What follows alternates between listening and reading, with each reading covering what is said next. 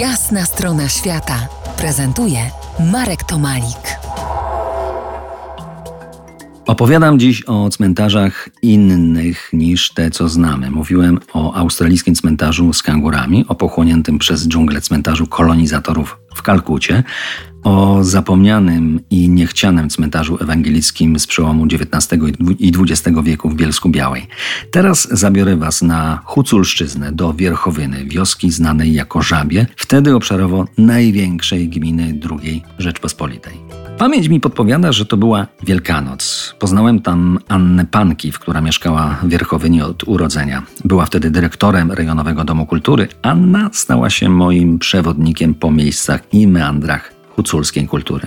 Pierwsze kroki skierowaliśmy na niepozorny cmentarz wiejski. Tamtejsze groby, nie tak bogate, nie tak zadbane jak u nas, ale bez wątpienia wygrywają z naszymi kolorystyką.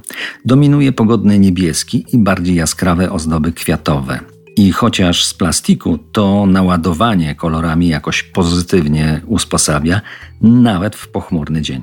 Wśród napisów na nagrobkach pamiętam także polskie nazwiska z datami śmierci po większej części z okresu międzywojennego, głównie żołnierzy Straży Granicznej.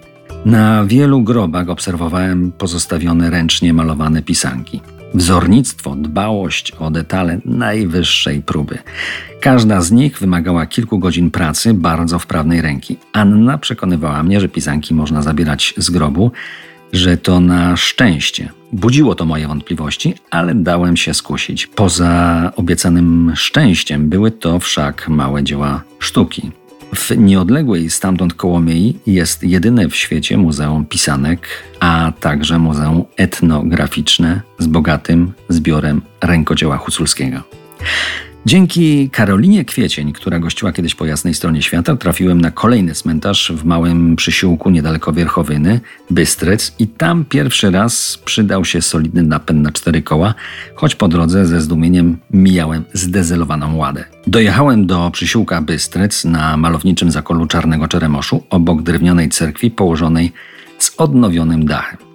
Był tam także niewielki cmentarz po nabożeństwie wypełniony wiernymi. Wielkanocny zwyczaj kazał gromadzić się wokół grobów najbliższych, modlić się i biesiadować.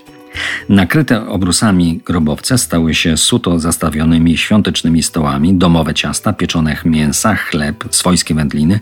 Było też piwo, wino i samogon.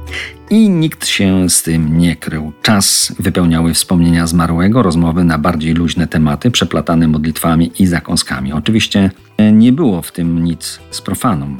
Ten zwyczaj istnieje tam setki lat. Ludzie byli pogodnie usposobieni także do przybyszy z daleka. Nie czułem się wśród nich intruzem. Za kilkanaście minut zabiorę Was na kolejny wesoły cmentarz, naprawdę wesoły, nie tylko z nazwy. To jest jasna strona świata w RMS Classic.